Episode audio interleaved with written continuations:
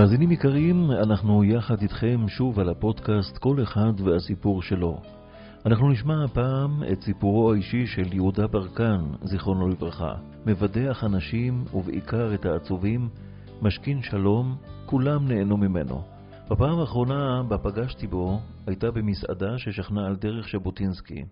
הוא היה רכון על ספר חמישה חומשי תורה, שקוע בפירוש, מתכונן לתוכנית הרדיו שלו. כשהרים את ראשו וראה אותי, חייך את חיוכו האופייני עם עיניים נוצצות משמחה.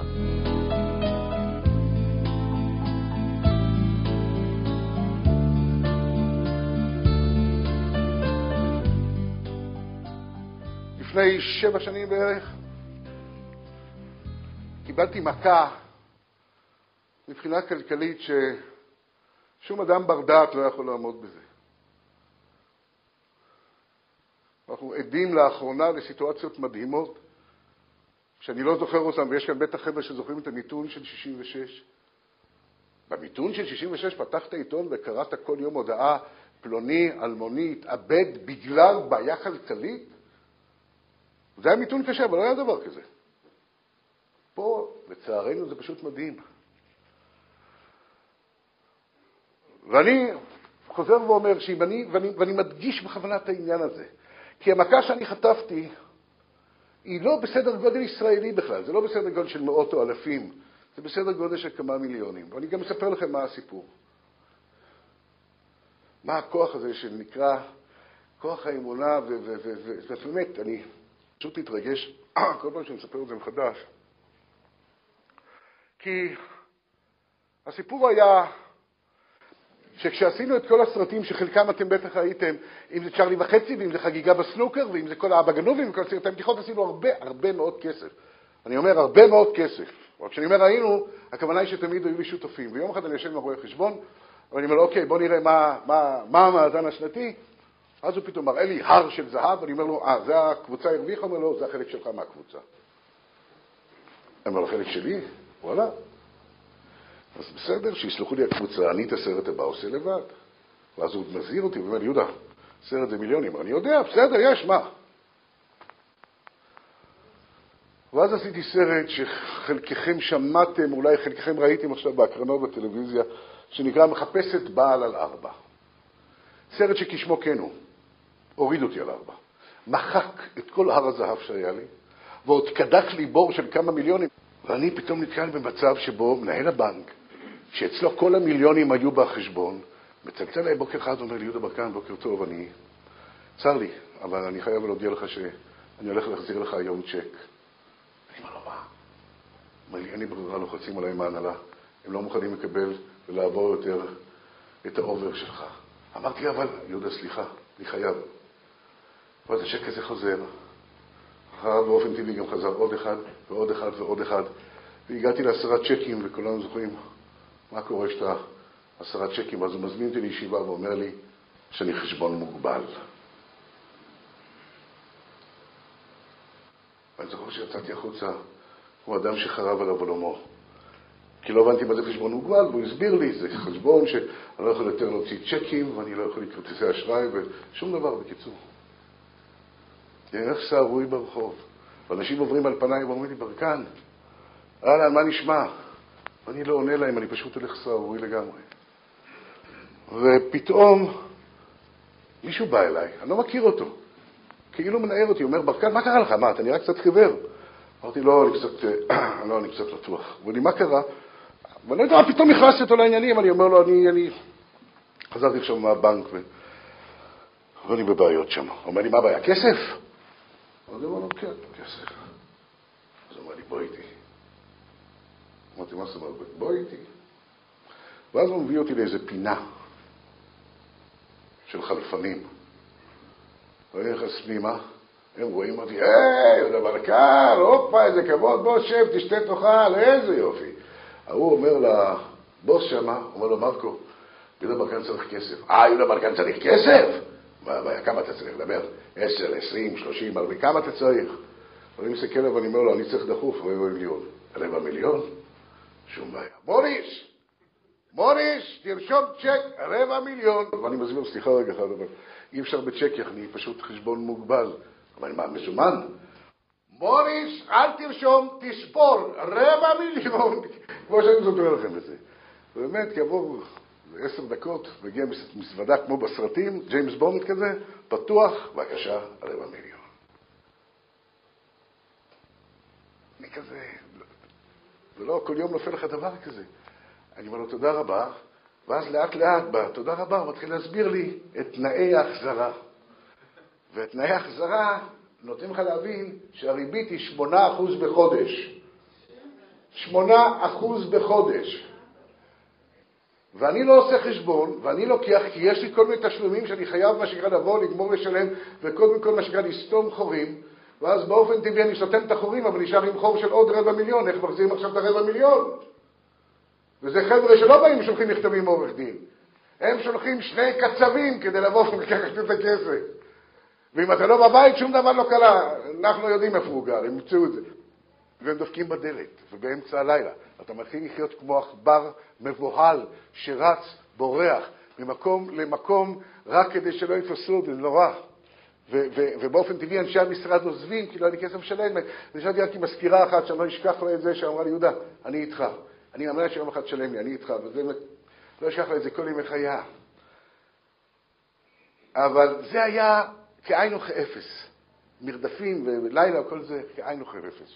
לעומת הטלפון החד-חודשי שקיבלתי מגרושתי, אם ילדיי, כל חודש, בראשון לחודש, שאומרת לי, יהודה ראשון לחודש, מה, מה עם המזונות לילדים? אני נאלצתי כל חודש להתפתל מחדש, לבקש סליחה, אבל אין לי עכשיו, שידחה לי את זה בעוד חודש, בעוד חודש, בעוד חודש.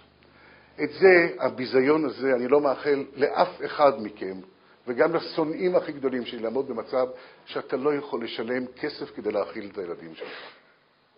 זה הבריאות. זה היה יום שישי אחד. אני יושב הרוס לגמרי במשרד, באמת הרוס, אני לא אשכח את זה. הייתה לי שיחה קשה מאוד עם גרושתי, אם ילדיי.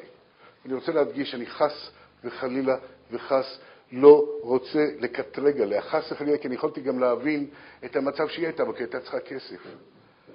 אבל כשהיא צלצלה באותו יום שישי, היא זרקה לי משפט שפשוט גמר אותי, ואומרת לי, יהודה, אני, אני, אני מקווה שהחודש הזה תוכל לשלם.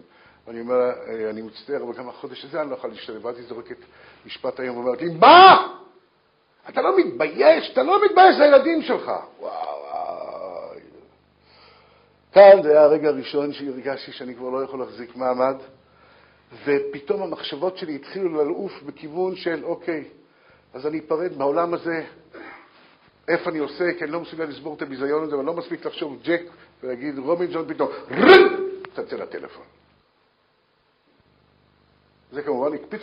טלפונים. ומה פתאום טלפון מצלצל? יום שישי אף אחד לא עובד במשרד. הטלפון מצלצל, מצלצל, מצלצל, מצלצל, ומצלצל, מצלצל, כאילו שמישהו מהקו השני בא וזועק, יהודה, תרים אותי. בסוף החלטתי שאני מרים את הטלפון ואני אראה, אולי מישהו מהחברים שלי מחפש אותי. ואז אם זה מישהו מחבר שלי, אני אענה לו, אבל אם זה מישהו מהאנשים, אני ישר טובק. ואני מרים את הטלפון ושותק, ואני שומע קול שבור מהצד השני, שבא ואומר לי, שלום, אה, אפשר לדבר עם הדבר כאן? לפי הקול השבור הבנתי שלא מדובר באחד האנשים שלי, ואני אומר, שלום, מדבר עם דבר כאן, כן, מה אני יכול לעזור לך? הוא אומר לי, יהודה ברקן, אני יכול לדבר איתך כמה מילים? אמרתי לו, בבקשה, אבל מי אתה? הוא אומר לי, אתה לא מכיר אותי. קוראים לי, קוראים לי חיים. אני חתנתי לפני כמה שנים עם אישה נכה, נולדו לנו שלושה ילדים, אחד לא נולד בריא, צריך לעבור ניתוח בחודש הבא. אותי לפני ארבע חודשים פיטרו מהעבודה. וצלצלתי לך לדבר כאן, אולי, אולי אתה יכול לעזור לי במשהו. אמרתי לו, חיים, סליחה, אבל למה, למה, למה, למה אתה מצלצל אליי? אומר יהודה ברקן, אני, לא, אני יודע שאתם עושים סרטים ומגלגלים, אני, אני, אני יודע שזה, אבל אולי, אולי, אולי, אולי, אולי, אולי משהו יהודה ברקן? אני אומר לו, חיים, שתהיה לי בריא, אתה מצלצל אליי בתקופה הכי גרועה שלי בחיים, חיים, אני בשפת החבר'ה, אני על הפנים. אני על הפנים, חיים, אני ברוק, מה שנקרא באנגלית, ברוק, ברוק, חיימקה. אני עכשיו, הייתה לי שיחה קשה מאוד עם גרושתי, אין ילדיי. שבעה חודשים, שבעה חודשים אני דוחה לה את המזונות לילדים, ואתה בא ומבקש, חיימקה, שאני אעזור לילדים שלך, עם כל הכבוד, אין לי, לא שאני לא רוצה, אין לי. הוא משתק ואומר לי, אני, אני מבין, אבל אתה מבין את הדבר כאן? אין לנו, אין לנו גם כסף לעשות את השבת. אני שומע את זה, אני מכניס את היד באופן אינסטינקטיבי לכיס, אני רואה שיש לי 200 שקל. אני אומר חיימקה, תקשיב, יש לי פה 200 שקל, אני יודע שלא יספיק לא לשבוע, ובטח לא לחודש. אני מאמין שעם 200 שקל, את השבת, אתה תעביר בכבוד, ובמהלך השבוע תוכל להיעזר באנשים אחרים. בוא אליי, בוא אליי למשרד. קח את ה-200 שקל, תהיה לי, איפה אתה גר? אומר לי, בגבעתיים. אמרתי לו, קח אוטובוס, בוא למשרד לתל אביב, רק תעשה את זה מהר, כי אתה יודע, השבת היום, אני אחכה לך ואני אתן לך את ה-200 שקל. ואני רואה אותו, שומע אותו פתאום מדבר ומלמל לעצמו. הוא אומר, לא, טוב, בסדר, אני לא... טוב, אני, אני, אני לא, אני לא, אני לא, אני אומר לו, מה? הוא אומר, אני לא, אני, אני, אני, אני, אני לא יכול לבוא. אני אומר לו, אתה לא יכול לבוא? למה אתה לא יכול לבוא? הוא אומר, סליחה, יהודה ברקן, אבל אין לי, אין, אין, אין לי חמישה שקלים לקנות כרטיס לאוטובוס.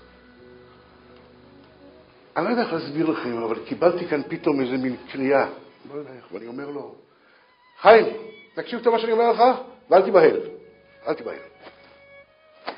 קח taxi special. אל תיבהל, חיים, כי אתה לא תשלם אגורה.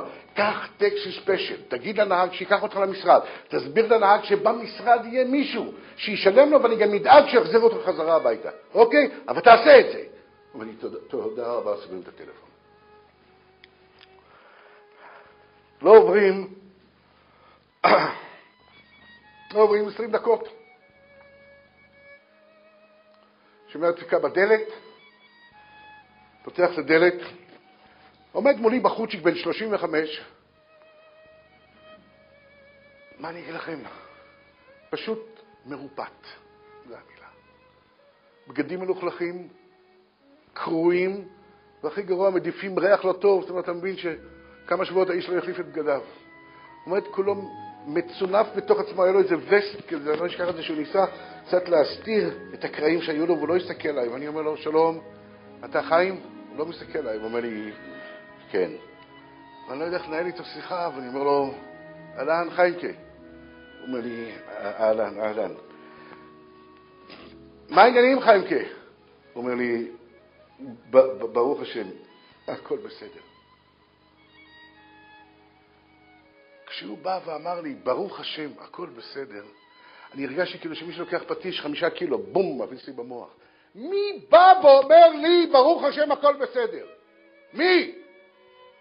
אדם ששבועות כבר לא יחליף את הבגדים שלו, אדם שחמישה שקלים אין לו כדי לקנות כרטיס לאוטובוס, בא ואומר לי, ברוך השם, הכל בסדר. יואו, כשאני הסתכלתי עליו בהרצה, אמרתי לו, חיים, אם, אם באמת, אתה יודע, הכל בסדר, אז בוא, אז בוא, בוא, בוא נזיז את הדברים. איפה, איפה נהג טקסי? הוא אומר לי, הוא, הוא כאן בחוץ, בוא, בוא ניגש אליו. אנחנו יוצאים החוצה. ואני ניגש לנהג טקסי ואני אומר לו, סחבי, זה חיים. כמו שאתה הבאת אותו לכאן, כמו נסיך, אתה מחזיר אותו הביתה כמו מלך. עכשיו, הנהג כנראה קלט שיש כאן איזה עניין, ישר בא ואומר לי, ברקן, מה אתה מדבר בחייך? מי הביא אותו כמו נסיך? הבאת אותו כמו מלך. טיפוס כזה, אלה שמזיעים בצבא. להחזיר אותו הביתה כמו קיסר, אל תדאג, אל תדאג, ברקן.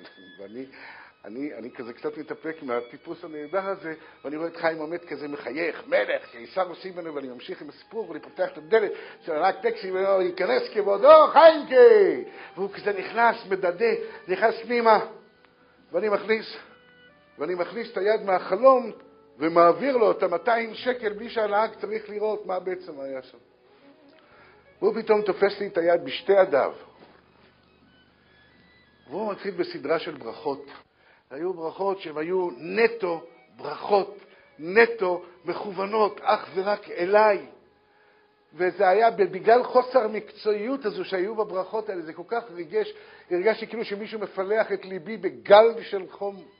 והתחלתי להתרגש, ואני אומר לו תודה, ואני אומר לו אמן, ואני אומר לו אמן, ואני אומר לו תודה, ואני מרגיש שאני נחנק, ואני מראה סימנים לנהג שיתחיל לנסוע, והנהג מתחיל לנסוע, והוא ממשיך, והוא מסתובב אחורנית, ואומר יהודה ברקן, אנחנו לא נשכח, אנחנו לא נשכח שאת הקידוש של היום, יהודה ברקן, אנחנו עשינו בזכותך, תודה רבה, תודה רבה, יהודה ברקן, ואני כבר לא יכול, ואני רץ למשרד, סוגר את הדלת מאחוריי, ואני פורץ בבכי. אני חושב שמעולם, ואני לא מגזים, לא בכיתי כמו שאני בכיתי באותו יום, כי גם לא הייתה לי שליטה, והרגשתי שכל טיפה וטיפה שירדה מעיניי, היה לה איזה כוח, ופשוט נשטפתי, והרגשתי שאני גם נחנק, אני גם נחנק כי זה, זה כואב לי. ומחר הייתי לבד במשרד, אני הרבצתי שאגה.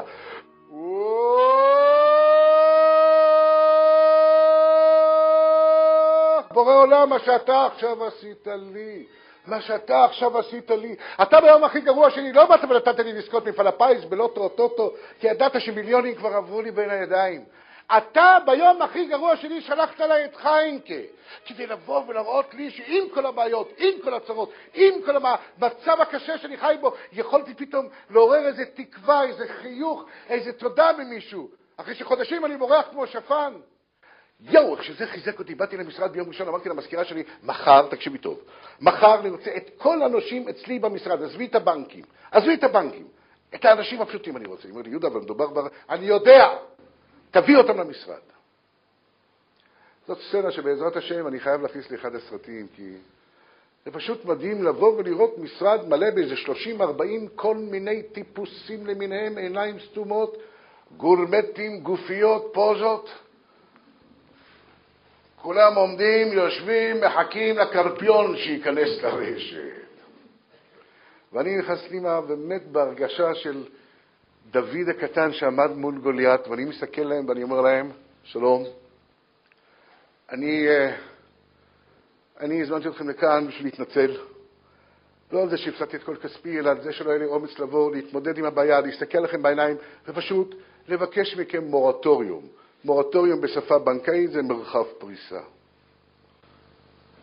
פתאום אני רואה שכל אותם אנשים שכל כך פחדתי מהם באים ואומרים לי, בלקן, בלקן, שמענו שקיבלת מכה, שמענו שאתה על הפנים.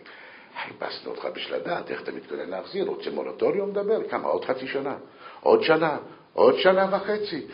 יושב מישהו למעלה, לא ישכח את זה, וצועק שם, עוד שנתיים, אל תדאג, ריבית עלינו. כמו שאני מספר לכם. הייתי עמום לגמרי, אמרתי להם, קודם כל, קודם כל תודה רבה, אבל מאחר מדובר בהרבה כסף, אני מבקש שלוש שנים. קיבלת! ותודה לאל, אחרי שלוש שנים, כי מי ש... אנשי עסקים שבלכם ודאי יודעים מה קורה לגלגל שנעצר ומה קורה שאותו גלגל מתחיל לייצר.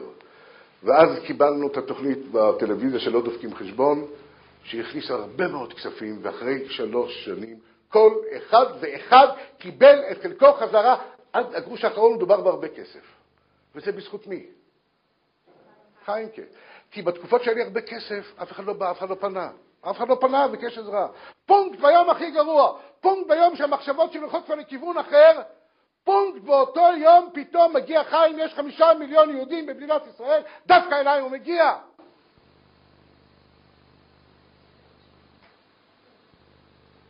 וזה אחד הדברים שנכנסתי לנושא הזה של עולמה של תורה, הבנתי את הכוח שיש בצדקה. כי מחר אנחנו מגיעים, ל... ביום שבת אנחנו מגיעים לפרשה שנקראת פרשת תרומה. פרשה שבו בורא עולם בא ומדבר עם בני ישראל, בא ומדבר עם משה ואומר לו, דבר על בני ישראל ויקחו לי תרומה. ואני שואל את הרב שלי ואומר לו, רבנו, מה, בורא עולם צריך שייתנו לו תרומה? הוא אומר, תקרא, תקרא טוב. זה לא ויקחו, זה לא וייתנו, זה ויקחו. ויקחו לי תרומה. זאת אומרת, אני דואג שלכם יהיה מי יותר מי פחות, אבל שאתם גם תוכלו עם מה שאני נותן לכם להעביר את זה הלאה. ליתום, לאלמנה, לגר או בכלל למי שחסר. ואז אתה פתאום מבין שחלק מהתפקיד שלנו בחיי היום-יום זה להיות הכספרים של בורא עולם, שפעם בשנה הוא גם איתנו עושה חשבון. בראש השנה ויום כיפור. מי יישאר או מי יעבור לצד השני. ולכן הנושא הזה של הנתינה והכוח, יש לו משמעות פשוט מדהימה, והייתי רוצה, ברשותכם, לחלק איתכם חוויה ולסיים את המפגש בינינו בעוד סיפור טרי מלפני שבעה שבועות. טרי לגמרי. להבין מה הכוח, מה קורה שאנחנו כביכול חיים בתחושה של כוחי ועוצם ידי, אבל בעצם הכל מנווט מלמעלה בצורה מדהימה.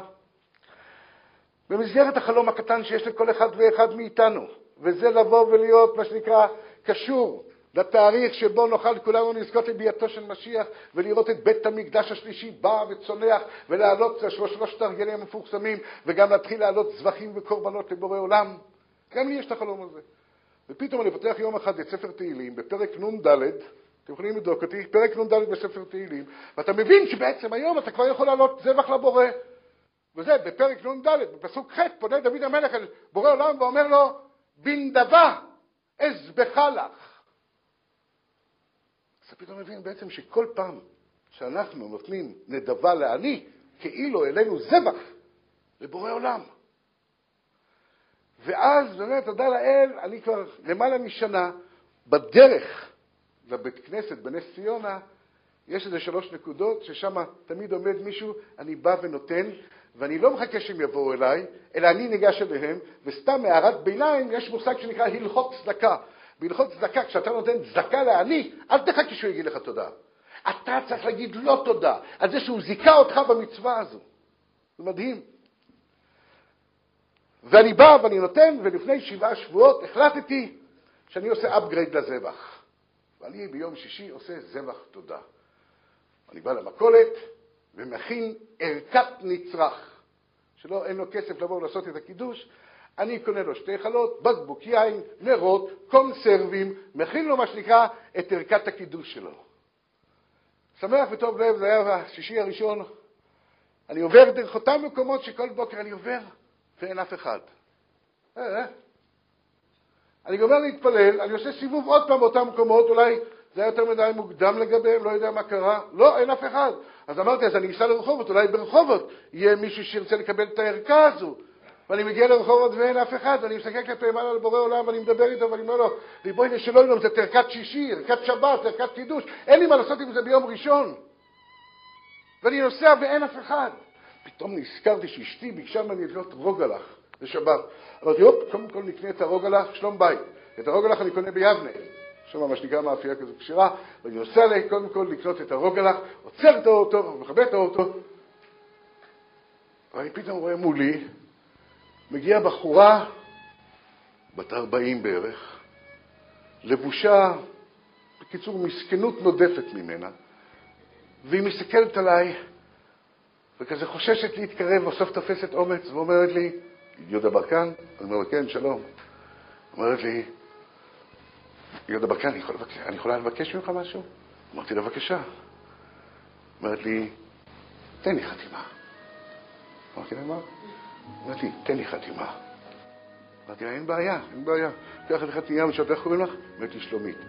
כתבתי לה, שלומית, שבת שלום, בברכה, יהודה ברקן, ואני נותן לה את הפתק, וכזה מצמידה את זה לוח ליבה, ואני מסתכל עליה, ואני מרגיש שיש כאן עוד משהו.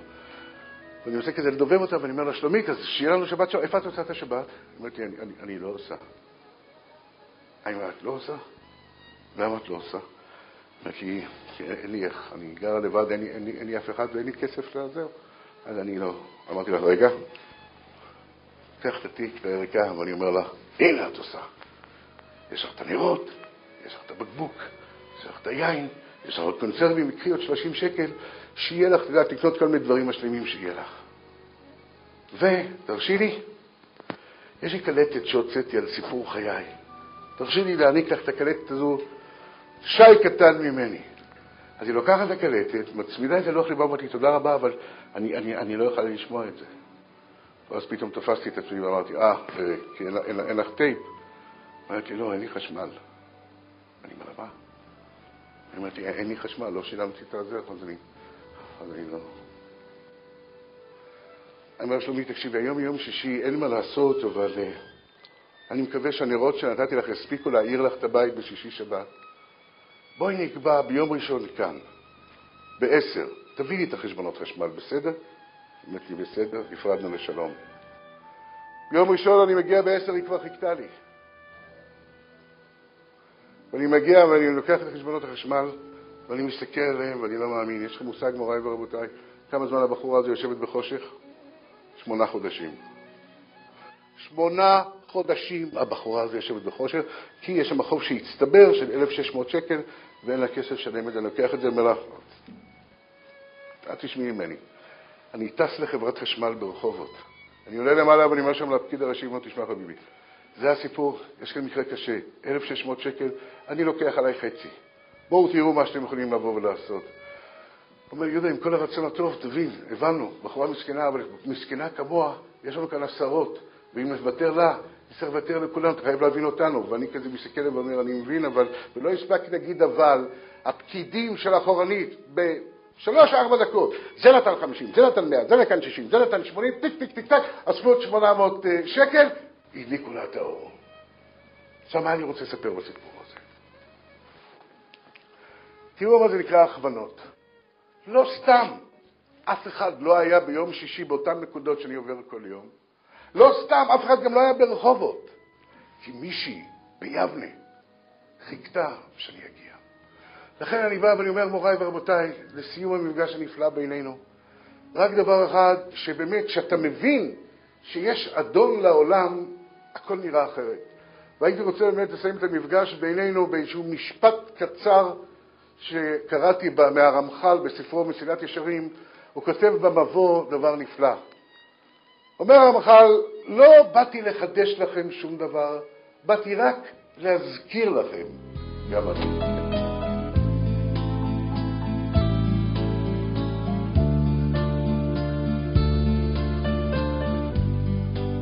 כולם יודעים, אבל הסיבה שאני בעצם חזרתי בתשובה הייתה בלי שום ספק המפגש שהיה לי עם הרבה ב-1987.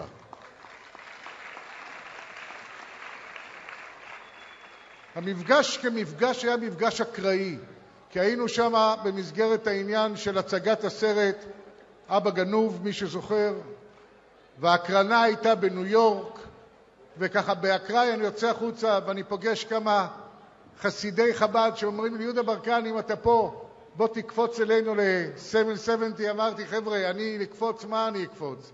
אם יש אפשרות לבוא ולהיפגש עם הרבה, אמרו, תשמע, לדבר אנחנו לא יודעים, אבל אנחנו מבטיחים לך שאם תבוא ביום ראשון, לא תעמוד בתור, אלא תעמוד בצד ותוכל לראות את התופעה הזו של הרבה מחלק דולרים. ואני רוצה לומר לכם, מוריי ורבותיי, אני עמדתי קרוב לשלוש שעות. קרוב לשלוש שעות וראיתי תופעה מדהימה של תורים ארוכים ואת חוק האבולוציה, אני ראיתי את זה מול העיניים, שזה מתחיל מזה שאנשים עומדים ולאט לאט, בלי שהם שמים לב, הם מתחילים ומגיעים לרבה בצורה כזו, שמה שהרבה היה צריך לעשות, רק לשים את היד, לברך ולראות את האושר בעיניים, ומדי פעם כשהרבה הביט בי ונקב את עיניו הכחולות, אני הרגשתי כמו מה שנקרא חיצי זהב פוגעים בי. וזה נתן בי, כמו שאמרתי, את הניצוץ הראשון. עם הזמן, עם הזמן, עברנו כולנו חוויה ב-1991, וזה מלחמת המפרץ. מלחמת המפרץ, מוריי ורבותיי, אני לא יודע אם חשבתם על זה, כי שם ממש עברתי את המהפך בגדול. הייתה מלחמה שאין לה אח ורע בשום מקום בעולם. מלחמה שלוקחים עם שלם ואומרים לו, עם, עם, אתם עכשיו נכנסים למלחמה ולהלן כללי המלחמה. אתם יושבים וחוטפים ואסור לכם להחזיר, אסור להחזיר. רוצים להתגונן? אין בעיות, אין מקלטים, חדרים אטומים שהיו צריכים להיכסות עם כל מיני פלסטיקים וכולנו זוכרים את זה. עכשיו, אני לא אשכח את זה כי זה היה בדיוק בתקופה שצילמנו את אבא גנוב שלוש. תראו איך זה התחיל, אבא גנוב אחד, אבא גנוב שלוש, 1991, וכל פעם שהיינו יוצאים לצילומים, ישר האזעקה הייתה מקבלת את פנינו. אה, ואז מיד כולנו הוזנקנו לחדרים האטומים, שמנו את המסכות האיומות האלה, וכאן, כאן אני לא אשכח תמונה בחיים. פתאום אני רואה שכל אנשי הצוות, שחקנים, במאים, טכנאים, אה, מאפרים, באמת, מפיקים, כולם, בלי יוצא מהכלל, רק שמעו את האזעקה. שמנו את המסכה, ופתאום אתה רואה שכולם מקוננים ראשם כלפי מעלה, וכל אחד בשפה שלו בא ומתפלל אל השם. עכשיו, למה אני אומר לכם שזו תמונה שאני לא אשכח? כי אתם לא יודעים, מוריי ורבותיי, אבל אנשי תעשיית הקולנוע הם כולם אתאיסטים, לא מאמינים בשום אל, לא מאמינים. בשבילם משפט אחד, כוחי ועוצם ידי יקבע את גורלי, אף אחד אחר לא. פתאום אלה שכוחי ועוצם ידי פתאום נמצאים במצב שמתחילים להתפעל להשם, דבר שלא... עדיין אני לא קולט את הסיפור, ואז התחיל העניין. בום! טיל ראשון יצא, נחמן שי, כולנו זוכרים, יוצא בטלוויזיה, הרגיע את כולם, לא נרגענו, מיד הטלפונים התחילו הביתה כי הצילומים היו מחוץ לתל אביב, ישר לאימא, לילדים, הכל בסדר, אמרו כן, הכל בסדר, אמר לי רב ערדי, איזה נס, בום, טיל שני, אותו הדבר, נחמן שי יוצא, אנחנו נרגיע, אנחנו מצלצלים לא רגועים לאבא, לאמא, לסבתא, כולם, הכל בסדר? אמרו, כן, הכל בסדר. אמר לו יאו הרדי, איזה מזל, איזה מזל, איזה נס, איזה נס, איזה מזל, איזה מזל, איזה נס. 39 טילים, מוריי ורבותיי, אני לא יודע אם חשבתם על זה פעם, 39 טילים ירדו על המדינה הקטנה שלנו. ותודה לאל, מבחינת נזק בנפש, כמעט אפס. היה יהודי אחד ברמת גן שמהדף של טיל הוא קיבל התקף לב. הפגיעה ישירה לא הייתה. בזמן שסעודיה, טיל אחד ירד, 25 חיילים אמריקאים התעופפו. כאן אמרתי, הופ, הופ, הופ, הופ, הופ. אמרתי, רגע, זה לא ייתכן. מזל, נס, נס, מזל. מישהו מחזיק את המושכות האלה שנקראות נס ומזל. ואמרתי, אני חייב, כשהמלחמה תסתיים, לשאול איזה יהודי דתי שיספר לי. ומי שזוכר שאני עושה כאן הערת ביניים, למה הערת ביניים? כי באמצע המלחמה, אחותי מצלצלת אליי, זה היה באמצע ינואר, ואומרת לי, יהודה, קח בחשבון שבפורים תיפסק המלחמה. אמרתי לה, ראיה, מאיפה את יודעת שבפורים תיפסק המלחמה? יש עוד חודש וחצי. אז היא מספרת לי שהיא עבדה אז בחברה שנקראת NDC. הבוס שלה ב-NDC היה יהודי שקוראים לו אבי טאוב. אבי טאוב היה אצל הרבה, והרבה אמר לו, חודש וחצי לפני כן, שבפורים תיפסק המלחמה, ובפורים נפסקה המלחמה. עכשיו, זה לא סיפור שאני יכול לבוא ולהגיד, שמעתי, קראתי, אני חוויתי את זה, אני חוויתי את זה לבשרי, כשאני מספר את זה אני מתרגש. בפורים, ביום הראשון נפסקה המלחמה, ואני עובר בדיזינגוף, ואני רואה שני חבר'ה, מה שנקרא חב"דניקס, עומדים, מדברים, משוחחים, משמיסצך, ואני ניגש אליהם ואומר, חבר'ה, אתם חייבים לעזור לי. היום נפסקה המלחמה. 39 טילים ירדו על מדינת ישראל, שום דבר לא קרה. איך אתם מסבירים את זה? הם מסתכלים עליי בנונשלנטיות ואומרים לי, ברקן, השגחה עליונה. פעם ראשונה ששמעתי את המושג הזה שנקרא השגחה עליונה. ואני בחצי חיוך מסתכל עליהם ואומר, השגחה עליונה? איך אפשר לדבר עם המשגיח? אמרו, אין בעיות. אתה מניח תפילין, אתה מחובר לבורא, אתה יכול לדבר חופשי. מוריי ורבותיי, מה אני אגיד לכם? תראו איך מתגלגלים דברים. אני אז בדיוק בתקופה עברתי לתוכנית ל'. בתוכנית ל' פתחו שם בית חב"ד. ואני, תודה לאל, השנה חוגג 15 שנה שאני מניח תפילין כל בוקר. ואם רב דוביד נמצא כאן בקהל, אם רב דוביד נמצא כאן בקהל, אני מאוד אשמח שיבוא ויגיד לי שלום, כי הוא הראשון שלימד אותי איך בכלל מלפפים את התפילין.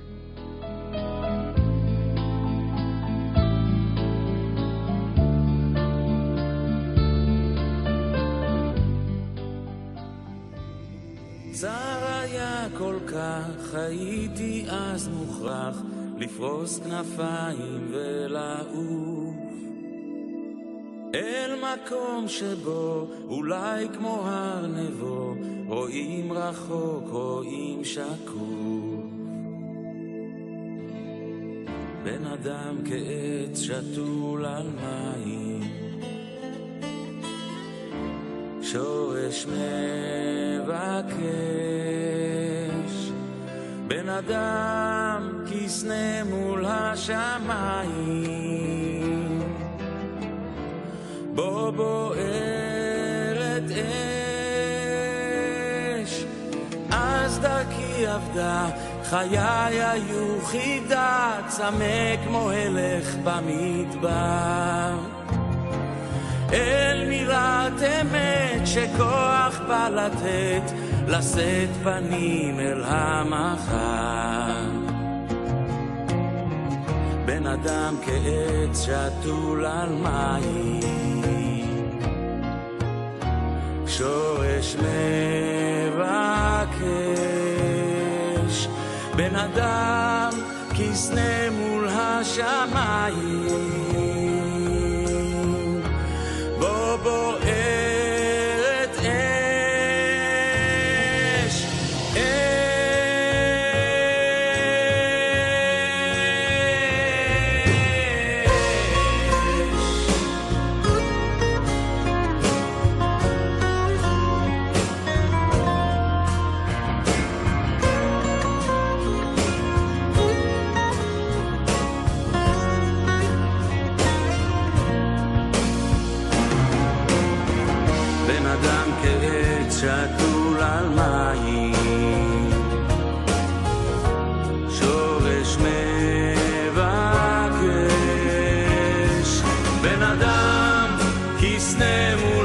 מול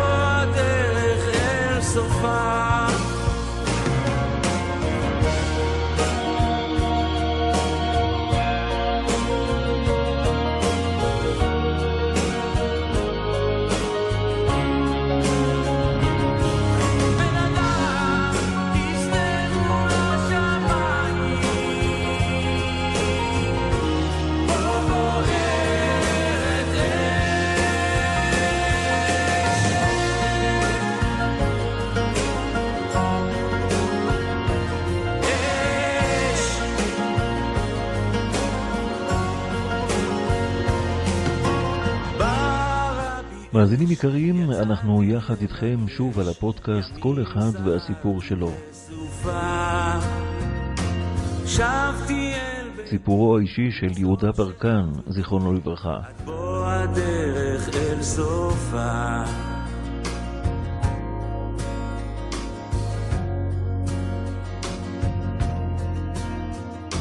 שבתי אל ביתי למצוא שאת איתי, עד בוא הדרך אל סופה.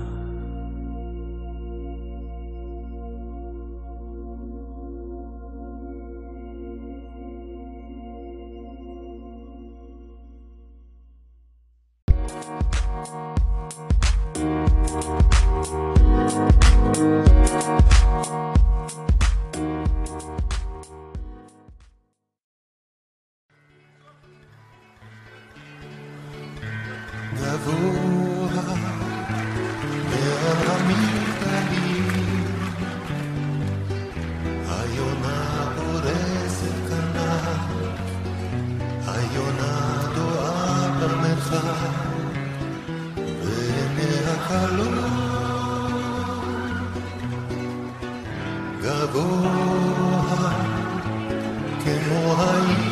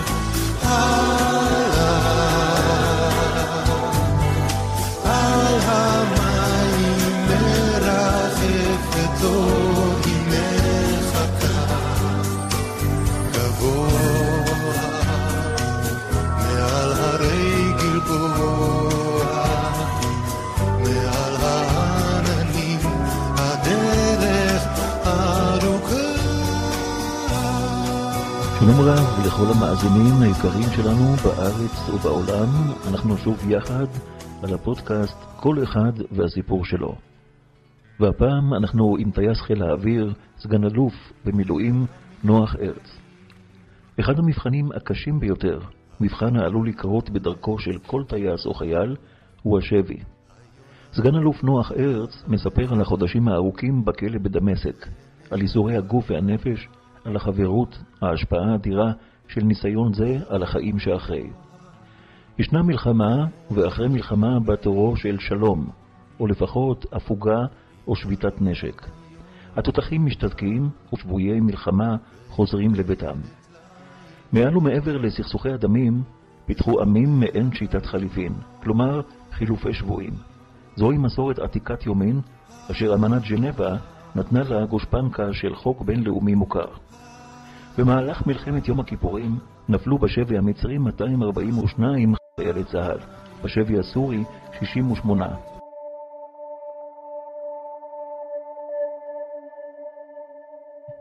אנחנו כטייסים עברנו קצת כאילו מושגים על שבי, אה, קצת, לזה הכשרה, לא יודע איזה הכשרה, דברים כאלה.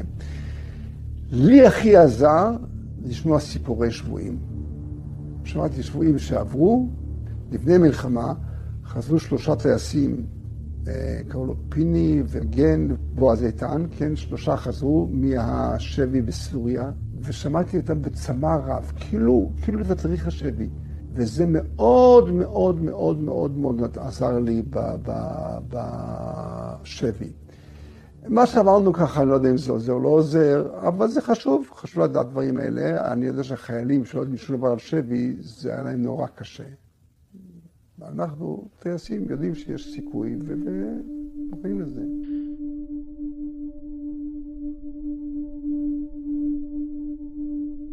ושאימצו אותי כטייס קרב בחיל האוויר הישראלי. שימשתי את עם ישראל כטייס קרב, אה, בשלב מסוים את רוב השירות עבדתי בהדרכה של טייסים, אחרי קורס טייס אומרים הכשרה לקרבי. אז אני הדרכתי בצפון, ברמת דוד, מבחינת לימודים, אה, קרקע לימודי מתמטיקה, פיזיקה, אסטרונומיה, כל פעמים הייתי מאוד עם רקע טוב של לימודים, אני גמרתי הנדסאים לפני הצבא. טייס עצמו, זו הייתה חוויה נכבדה מאוד. הדרכתי טייסים לקרב אה, ברמת דוד. מגיעים באוגוסט 73 לעין יהב, מספיקים לחרוש ולזרוע את השדות, והנה ביום הכיפורים אני אז לא שומע תורה מצוות, מטייל ברחוב, אשתי, עם הילדה, מטייל ברחוב, ג'יפ חיילים, סכנה לפריצת מלחמה, חיפשו אותי, מצאו אותי, אני ממריא עם מטוס קל מעין יהב לדרום, לעציון, בסיס ליד אילת, ממריא מטוס, הייתי האחרון שמביא את המטוסים, מטוסי הקרב מעציון לתל נוף, משום שהבסיס עוד לא היה מבצעי. הלכנו לכנסת האם בתל נוף. אני טס בגובה 15 אלף רגל, דממה, שקט, שום מטוס בשמיים. קדושת יום הכיפורים, ממש חמים וזה. עוד עושה עוד שלום ככה לאשתי מאיזשהו מקום ככה בעין יב כביכול. וכשאני עובר מעל באר שבע, אני שומע באוזניות מאות נושאי חיל האוויר ממריאים צפון דרומה, פרצה מלחמת יום הכיפורים. טסים צפון דרומה, רעש, בלקן, לוחם בבסיס, כן, תקיפה, סוריה, מצרים, לא יודעים שום דבר.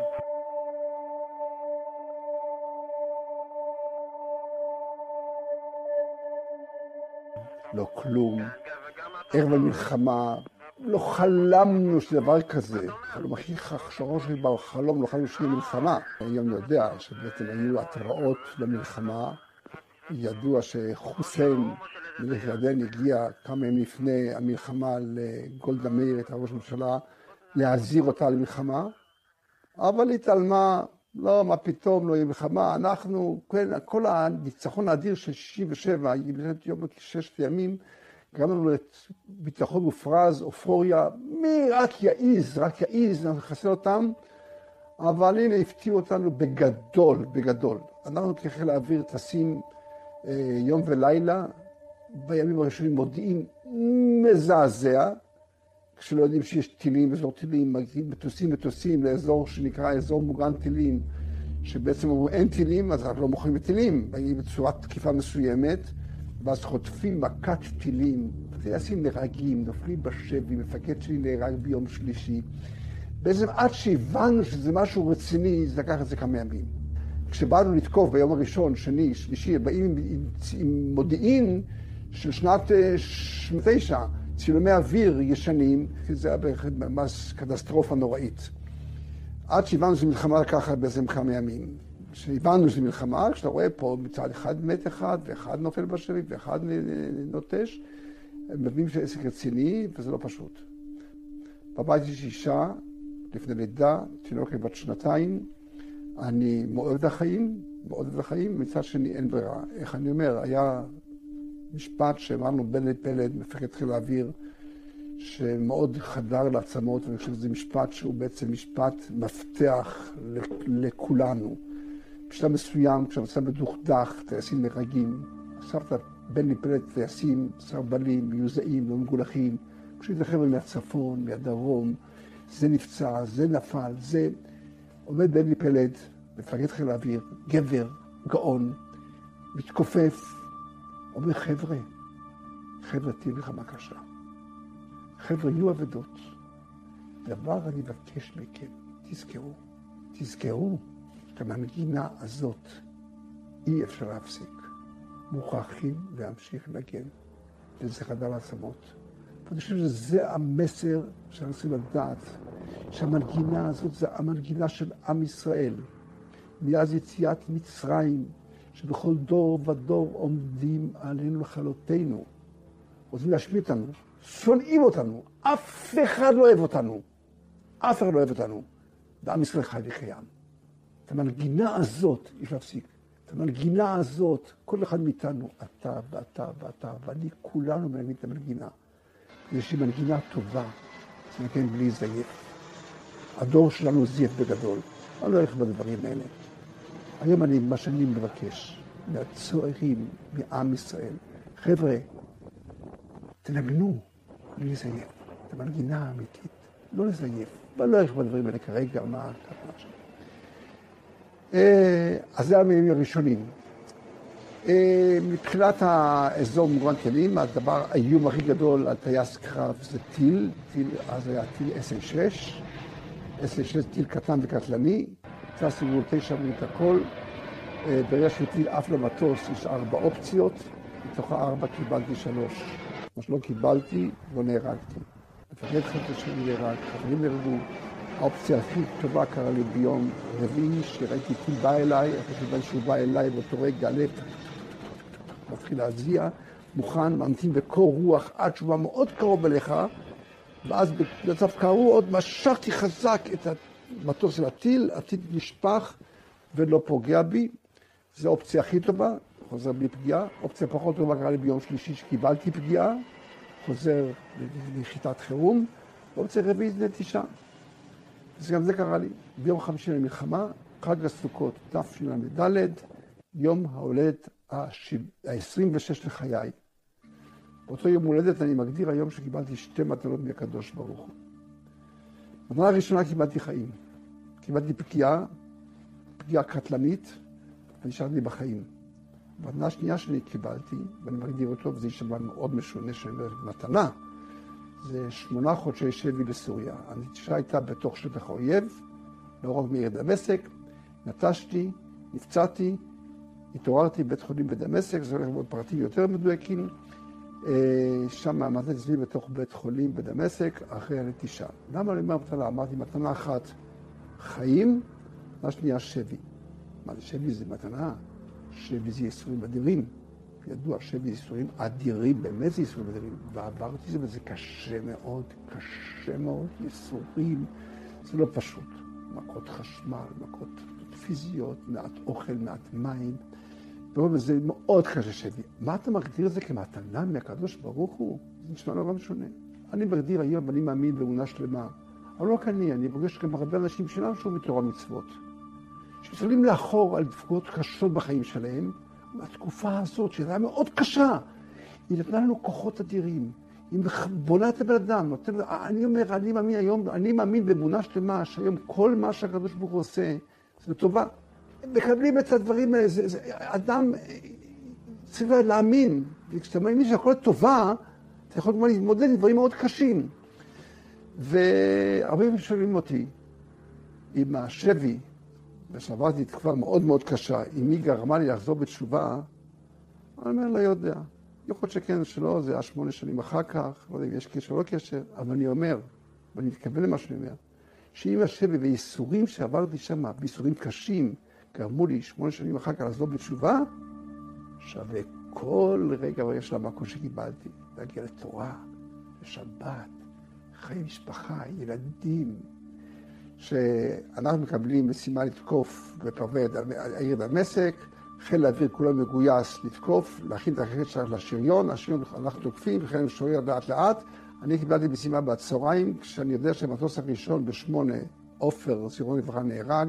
לפניי באותו בוקר נפלו חמישה טייסים בשבי, חמישה טייסים נפלו בשבי, אני מקבל משימה בצהריים, ממריא, רץ למסלול, 250 קמ"ש מקדם בגלגלים, טס צפונה, המתח אדיר, עובר את כל ארצנו הקדושה, ותמיד אומר, אין לי ארץ אחרת, מגיע לאזור חיפה, מעל, טבריה, מעל טבריה נשים מעגל המתנה, מחכה התור שלי, מקבל פקודה להיכנס, פקודה, עף למטה, סולל למטה לכיוון הכנרת, יורד לגובה נמוך כדי לתקוף באזור טילים, כדי שהטילים לא יראו אותנו, המכ"ם לא יראה אותנו, אנחנו חדרנו בגובה מאוד מאוד מאוד מאוד נמוך.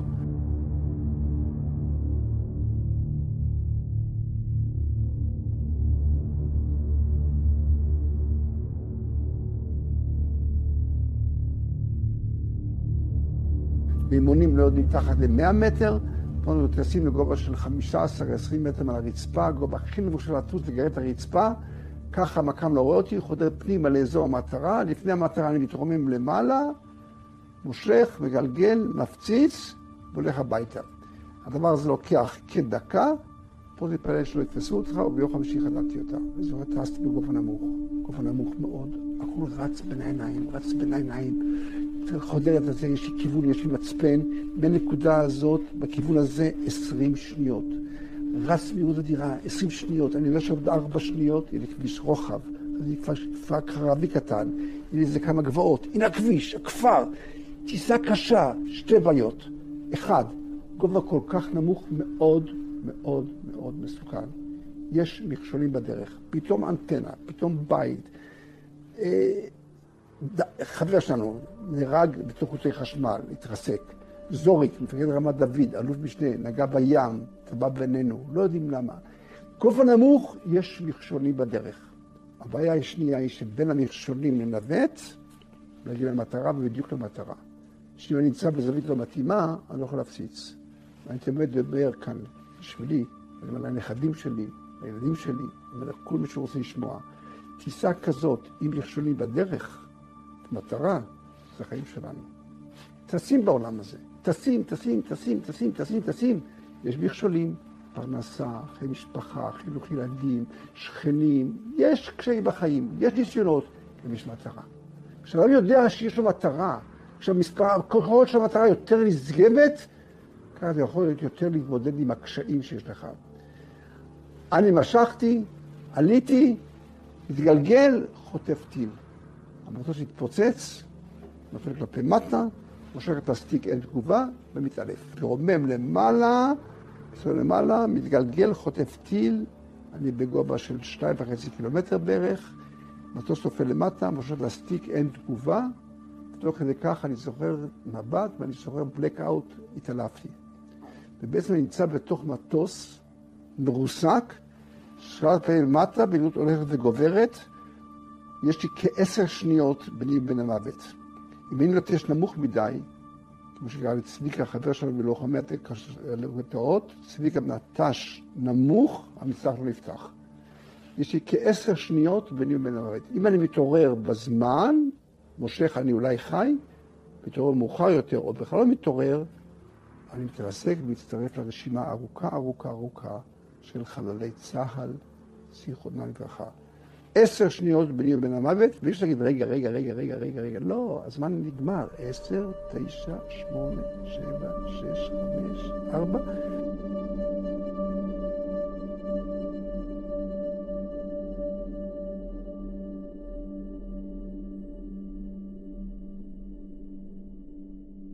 ופה אני מגדיר את הנס הפרטי שלי. כנראה שהקדוש ברוך הוא רצה עוד שאני אשאר בחיים. הקדוש ברוך הוא העיר אותי. משכתי, יצאתי, זאת הרוח האדירה, אני יוצא החוצה, השמיים הכחולים, רואה שמיים, המסלח נפתח, ולא מגזים, אני אומר 50 מטר, או 70 מטר, או 100 מטר, גובה נמוך, בום על הרצפה, פשוט התעלפתי.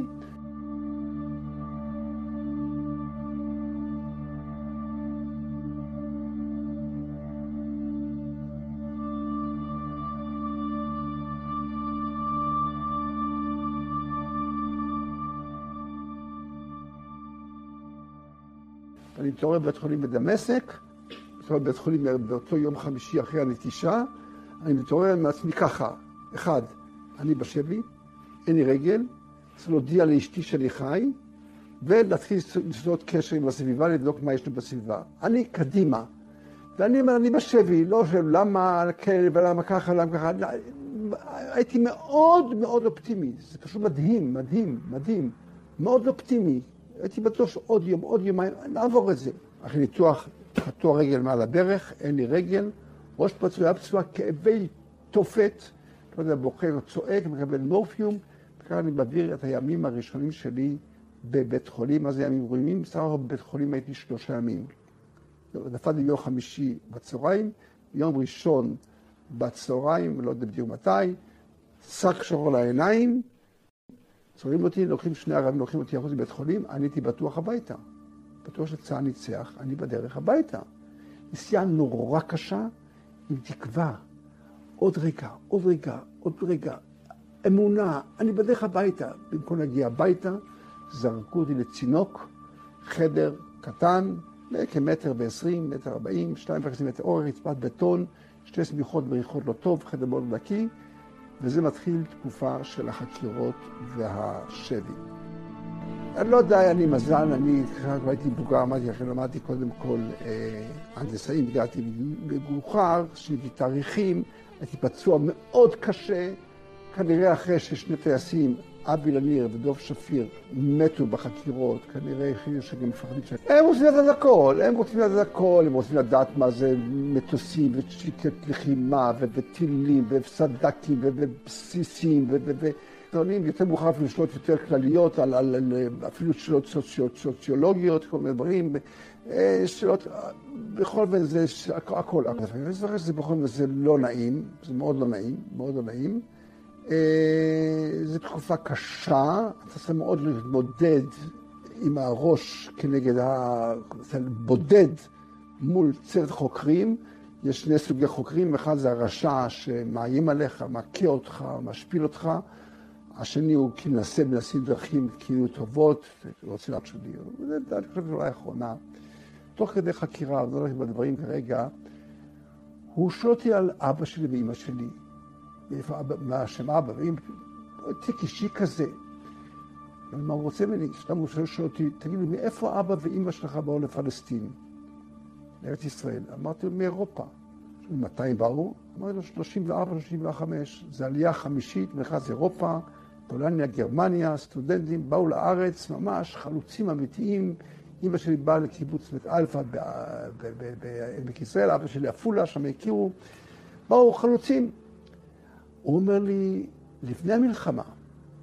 אמרתי לו, כן. התכוון לפני מלחמת העולם השנייה. אמרתי לו, כן. הוא אומר לי, עוד פעם, לפני המלחמה. הוא אומר, כן. פעם שלישית, לפני השואה. אני לא מבין מה הוא רוצה ממני. יש לי משחק שחור, לא רואה אותו, יושב ככה על הכיסא, ואני מרגיש שהוא מתקרב אליי. לא יודע אם לטיפות או מכות, בואו נתן לי שתי לטיפות, הוריד את השק השחור. אני כאן ג'נטלמן, אדם, מבוגר, מבוגר ממני, בהרבה. אתה רואה לפי חובת הפרצוף, מגולח, מסודר, חליפה. מסתכל בעיניים ואומר לי, אתם גנבים בני גנבים. אתם גנבתם פלסטין שלנו. והוא התחיל להגיד את האני מאמין שלו על זכותו על ארץ ישראל. ראיתי אדם אינטליגנט, חכם, אומר את האני מאמין שלו על זכותו על ארץ ישראל. הבחור אומר לי שהוא נולד בחיפה, גדל בחיפה, ברח לסוריה כדי להביא אתכם לים. פלסטין שלנו. ראיתי אדם שמאמין, מאמין שפלסטין שלו. ואני חושב לעצמי, לא עניתי לו, לא טיפה שאני עזרתי בכלל לצינוק, לי המון זמן לחשוב, מה בעצם אני אומר לו באמת? בחינוך שלי קיבלתי להומניזם, סוציאליזם, קומוניזם, אני יליד תש"ח, מדינה, מה, מה, מה? דיברנו על הומניזם, באמת, הוא גדל פה, באיזה זכות, מה, מה הקשר שלי לארץ ישראל באמת? שואה, עניינים. אולי זה הזרעים שזרעו אחר כך לחזור בתשובה, לא יודע. שהיום התשובה היחידה שיש לי, אז לארץ ישראל, זו תשובה דתית, תורנית. אין לי תשובה אחרת, ולא נריך כרגע בדברים האלה. בקיצור, אני נמצא בבית חולים, יום ראשון, שק שור העיניים, שני רבים לוקחים אותי החוצה, אני בטוח שבדייתא, במקום להגיע הביתה לצינוק. חקירות היו שישה שבועות. שישה שבועות, תקופה לא קלה. סוף כל החקירות, לילה מאוחר, נפתחה הדלת, שק שחור, שוב החוצה. חקירה, לא יודע, פחדתי. ואז הוא פנה ימינה. לא חקירות, ימינה. מה זה? אולי הביתה. כל פעם, כל שינוי של דבר, הביתה, הביתה, הביתה. הוא רואה אותי כמה שניות, יושב על כיסא, פונים את העיניים, מקלחת.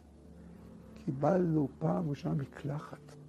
שישה שבועות, אני פותח ברז מים, שם מים לרגל, שותה כמה שאתה רוצה, שותה, שותה כמה שאתה רוצה. מים, מים.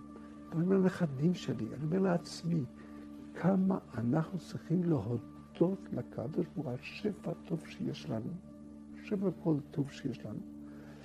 מקלחת, חלת צינוק. אגב, טיפול רפואי. טיפול רפואי, הניתוח בבית חולים היה מצוין.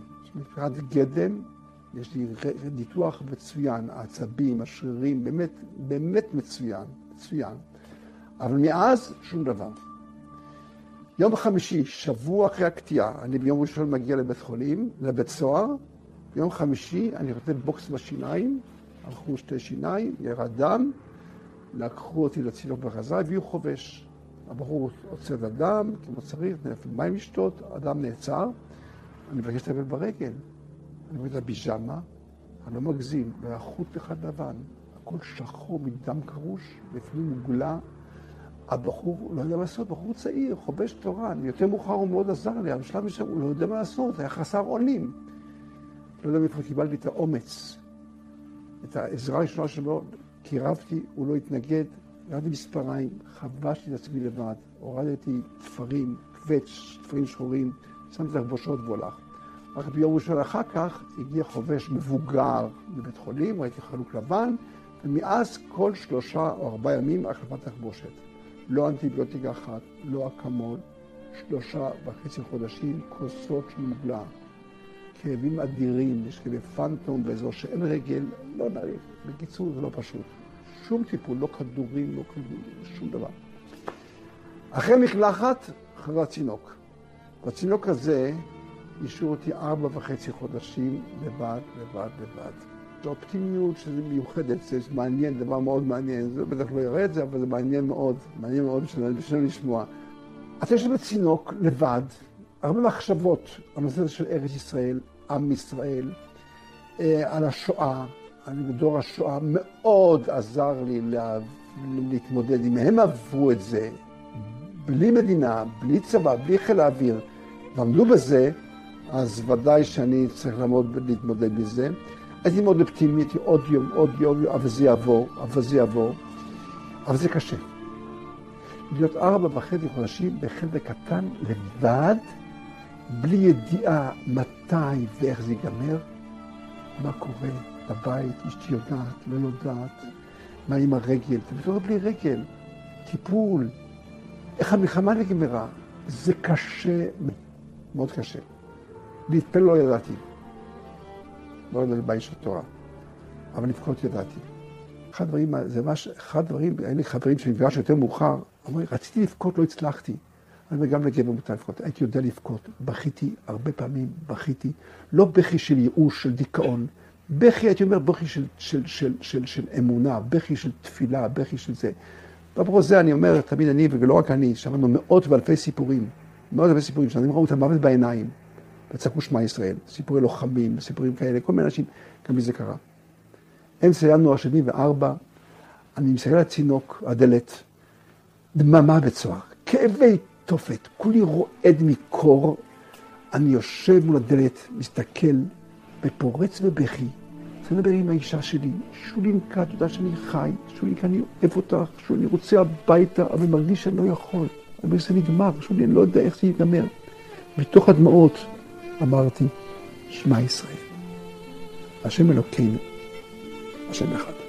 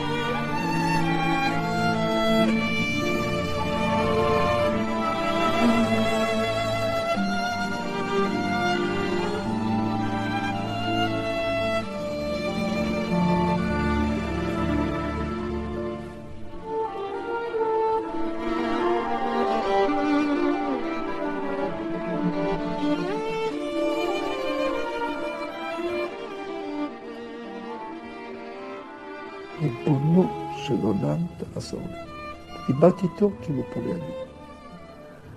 אני לא יכול להסביר מה עברתי, לא יודע מה קרה. אבל בבוקר התעוררתי ואני חי.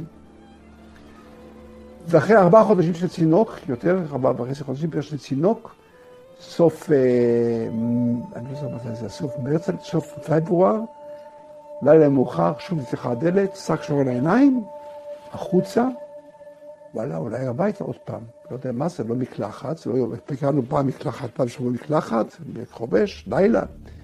כעבור כמה שניות, הולכתי למעלה קומה השנייה, רצפה, פוגעים את העיניים, חדר גדול, פוגש את שאר הטייסים. נפגש בחדר גדול, כל הטייסים, אחרי שניים מהשריון ושניים מודיעין, יושבים במעגל, חבר'ה, עוד אחד קטוע, היה עוד שניים פצועים, והציעו להם את הריאות, ירו להם באוויר, עשו להם את הריאות, פצועים, יושבים במעגל, כבר מספר איך הוא, מה הוא עבר, איך הוא הגיע, מתי הוא נפל. מה היו החקירות? מסתבר שכולם היה די דומה, כ-18 או 17 טייסים, נוודים, שניים משריון ושניים ממודיעין, סך הכל כ-20 קצינים. היו חיילים שהיו במקום אחר, לא היו איתנו, לא היה לנו קשר איתם. יש לי הקצינים ביחד, כן, הרוב זה אנשי צוות אוויר, יכול לספר איך, מה הוא עבר, חקירות, איך הוא הגיע, מה הוא הלך, אה, ביחד זה כבר משהו אחר. ביחד זה כוח אדיר. אחרי יומיים הגיע בקורס הצלב האדום, לא נלך בדברים. אז הודענו, אז אשתי קיבלה ידיעה שאני בשבי. היא בעצם, אה, עד אז לא ידעה בדיוק אם היא חיילה או בחיים. מתעוררת בבוקר, מודיעים לה, גם כן איך שהודיעו לה, זה גם כן היה בפני עצמו, שבעלה איננו. לא יודעים, חי, מת, קוראים לזה נעדר. השאירו לה מספר טלפון ועזבו אותה. בוודאי שיש לה תחושות, והיא סיפרה קצת לפחות, זה לא קל. אבל שוב, היא גיבורה. היו בינינו שלושה טייסים שקיבלו הודעה, נשותיהם קיבלו הודעה שבעליהם מתו, והנה פתאום ברשימה שהם חיים, אחד הם מתים. ביחד זה משהו אחר. ביחד זה כוח אדיר, מאוד חזק. אחד עוזר שני, אחד תומך בשני, התנאים לאט לאט השתפרו מפעם לפעם, פעם בחודש היה ביקור של הצלב האדום, לקראת כל ביקור שיפרו את התנאים קצת, בשלב מסוים הביאו מיטות על קומות, בשלב מסוים הביאו תנור, בשלב הביאו לנו קצת אוכל יותר טוב, עכשיו התחילו להגיע מכתבים. ככה עברנו ביחד. אם אני אמסור את המסר, מה שאני חושב, הדבר הכי חשוב זה לעם ישראל, הדבר הכי חשוב לדעת מה זה ביחד. עם ישראל, יש אסכנזים, יש ספרדים, יש דתיים, יש חילונים, יש כאלה וכאלה. אין שני בני אדם עם אותה דעה. הגמרא אומרת, כשם שפרציהם שונות, ככה גם דעותיהם שונות. אין שני אדם עם אותה דעה. והחוכמה שלנו, ועל זה אני למדתי לעת זקנה, לכבד גם אדם שלא חושב כמוני. אבל אם לא חושב כמוני, אז מה? מי אמר שאני צודק, מי אמר שהוא צודק? יכולים להיות ביחד, בתזמורת. זה מה שיפה. וזה אנחנו צריכים היום, אם נשאל מה המסר העיקרי לעם ישראל היום, לפי דעתי, זה את המסר הזה של ביחד, לכבד אחד את השני. ואנחנו רואים שזה בדיוק הפוך. היום היום שנאת חינם. זה היום מאוד מאוד כואב לי, מאוד מאוד כואב לי. כל אחד והסיפור שלו. והפעם אנחנו עם טייס חיל האוויר, סגן אלוף במילואים, נוח ארץ.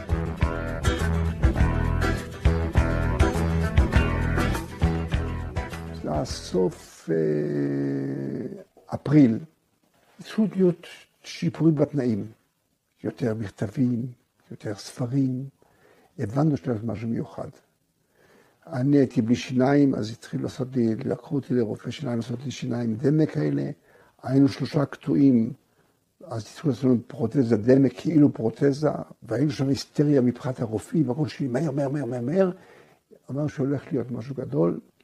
באמת בי"א בסיוון, נפתחה הדלת, הוציאו את הפצועים החוצה, יצאנו החוצה בלי שק שחור, ידענו שזה הביתה.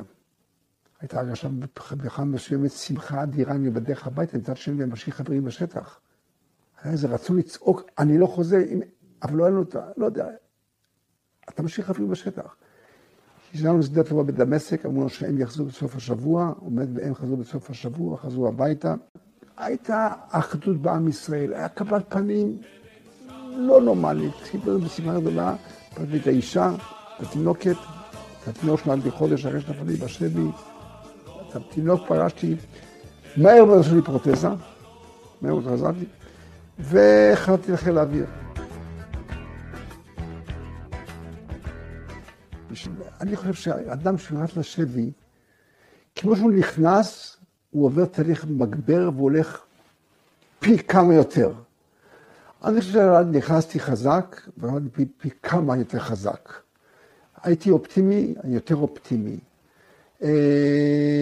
אתה מקבל את עוצמות, העוצמות שבך, הן פשוט מקבלות עוצמות בהרבה יותר מתגברות. חס ושלום, הפוך, ראינו אנשים שבאו לא לגמרי חזקים, והם חזרו פחות חזקים, לצערנו הרב. שבי הוא מגבר גדול, ואני חושב שהוא רק הגביר את התכונות שלי חיוביות הרבה יותר. התעוררתי בלי רגל, אני פה, ממשיך קדימה. כשישבתי בצינוק, לא יודע כמה, כבר חודשיים בערך, כאבים נוראים, קשה מאוד, באמת, ואני בוכה. אומר לעצמי, נוח, תזכור דבר אחד, אף פעם אל תקטר. אל תגיד אז, אל תקטר. תגיד תודה רבה מה שיש לך. יש לי את זה, עם זה אני קדימה. לא לי אף פעם בחיים הרגשה שאני כועס על הקדוש ברוך הוא, או על מישהו, או על הצבא, או על המודיעין. זה מה שהיה, אנחנו נמצאים קדימה. אני אומר, אדם נולד עם העיניים קדימה, אני קדימה. אני, זה מה שיש לי, אנחנו ממשיכים קדימה. ובאמת, זה, אני מבין שאנשים לפעמים יש להם קשיים, שבאמת שואלים שאלות כאלה, למה, למה, למה. אה, אין לזה תשובה. אגב, אין תשובה. למה צדיק רע לו ורשע וטוב לו? או צדיק ורע לו וצדיק וטוב לו. זה יותר שאלה קשה. צדיק אחד טוב לו, צדיק אחד רע לו. הפוך, רשע אחד רע לו, זה בסדר, אבל רשע שטוב לו, שאלות קשות, אין תשובה לזה. שאלתי את זה הרבה שאלות. ביהדות, במחשבה, מחשבת על היהדות, בדברים, יש לזה תשובה בגדול כמו שיש הנהגה של הקדוש ברוך הוא שאומרת, אדם צריך לעבור, בתור דתי בכלל, בתור אנשים מאמינים, זה הרבה יותר קל להתמודד עם, עם דברים כאלה. כשאתה מאמין שאתה בעצם נמצא בכל מקדוש ברוך הוא, ואתה צריך להתמודד עם זה, וזה הניסיון שלך, עם זה צריך לעבוד עבודה, וזו עבודה שלנו. זה קשה, לפעמים קשה מאוד, קשה מאוד, אבל מי הבטיח לי גן עדן בעולם הזה? אף אחד לא הבטיח לי גן עדן בעולם הזה. אם זה מה שיש, צריך לעבוד ולהצליח. יש סוג של זה פולנים, יש הונגרים ויש יקים. ההורים שלי הם יקים. יקים, הם לא יודעים קודם כל הרבה רגשות, דברים כאלה, הם שכלת, מאוד שכלתניים, שכלתניים, וככה אני גדלתי. הרבה, אין לנו אצלו בבית, זה לא רגש ולא דברים כאלה, חיים עם השכל, עם השכל ודברים כאלה. ההורים שלי לא התאכזרו, לא, לא, אף פעם לא התאכזרו, להפך, תמיד היו גאים בי גם לפני השבי, גם אחרי השבי, גם כשחזרתי בתשובה היה יחסים מצוינים, תמיד קיבלו אותנו באהבה ובאהבה רבה. אה, בילדות שלי אני הייתי הרבה עסוק ב... ב נקרא לזה במחשבה ובחברה, מחשבה וכאלה, היה הרבה פעמים, זוכר. ראיתי שאני מאוד מאוד גם כן אופטימי, מדינה, חברה, מאוד חשוב לנו העם שלנו, מאוד חשוב המדינה שלנו, תמיד עם אופטימיות ועם אה, רצון לתקן.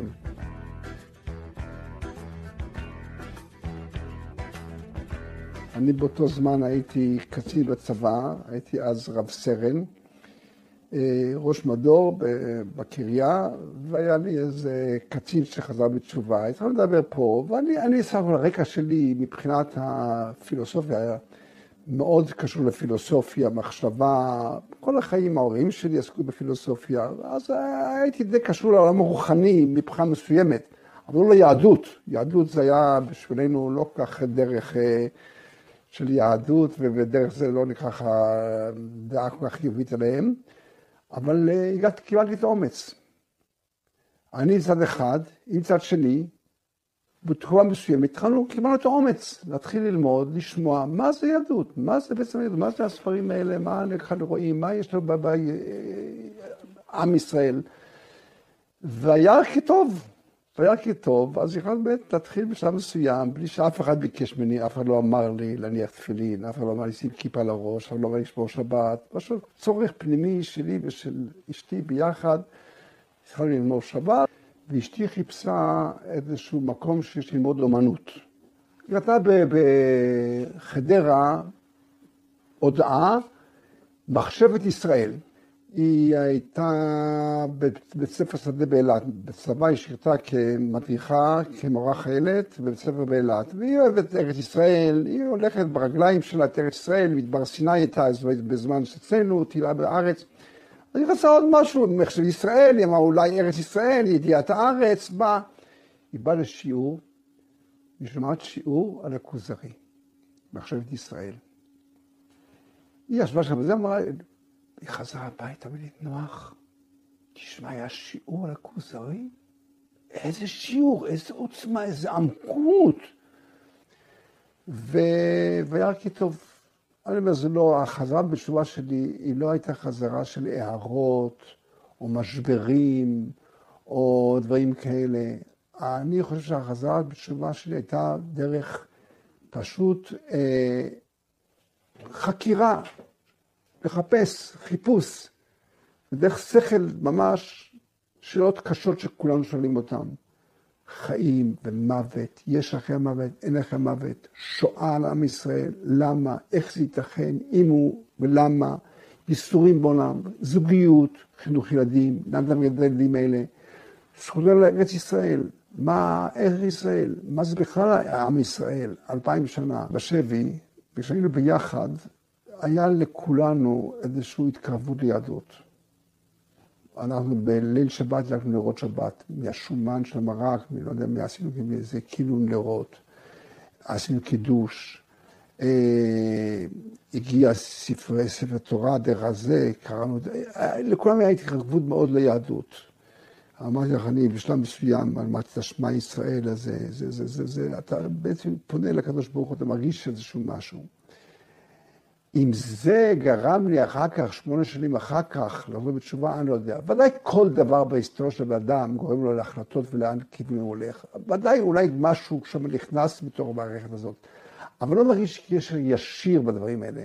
אני אומר, בשלב מסוים, כמו שאמרתי, התחלתי לשאול את השאלות וחיפשתי פה ושמה. המקום שהכי מצאתי את עצמי זה ביהדות.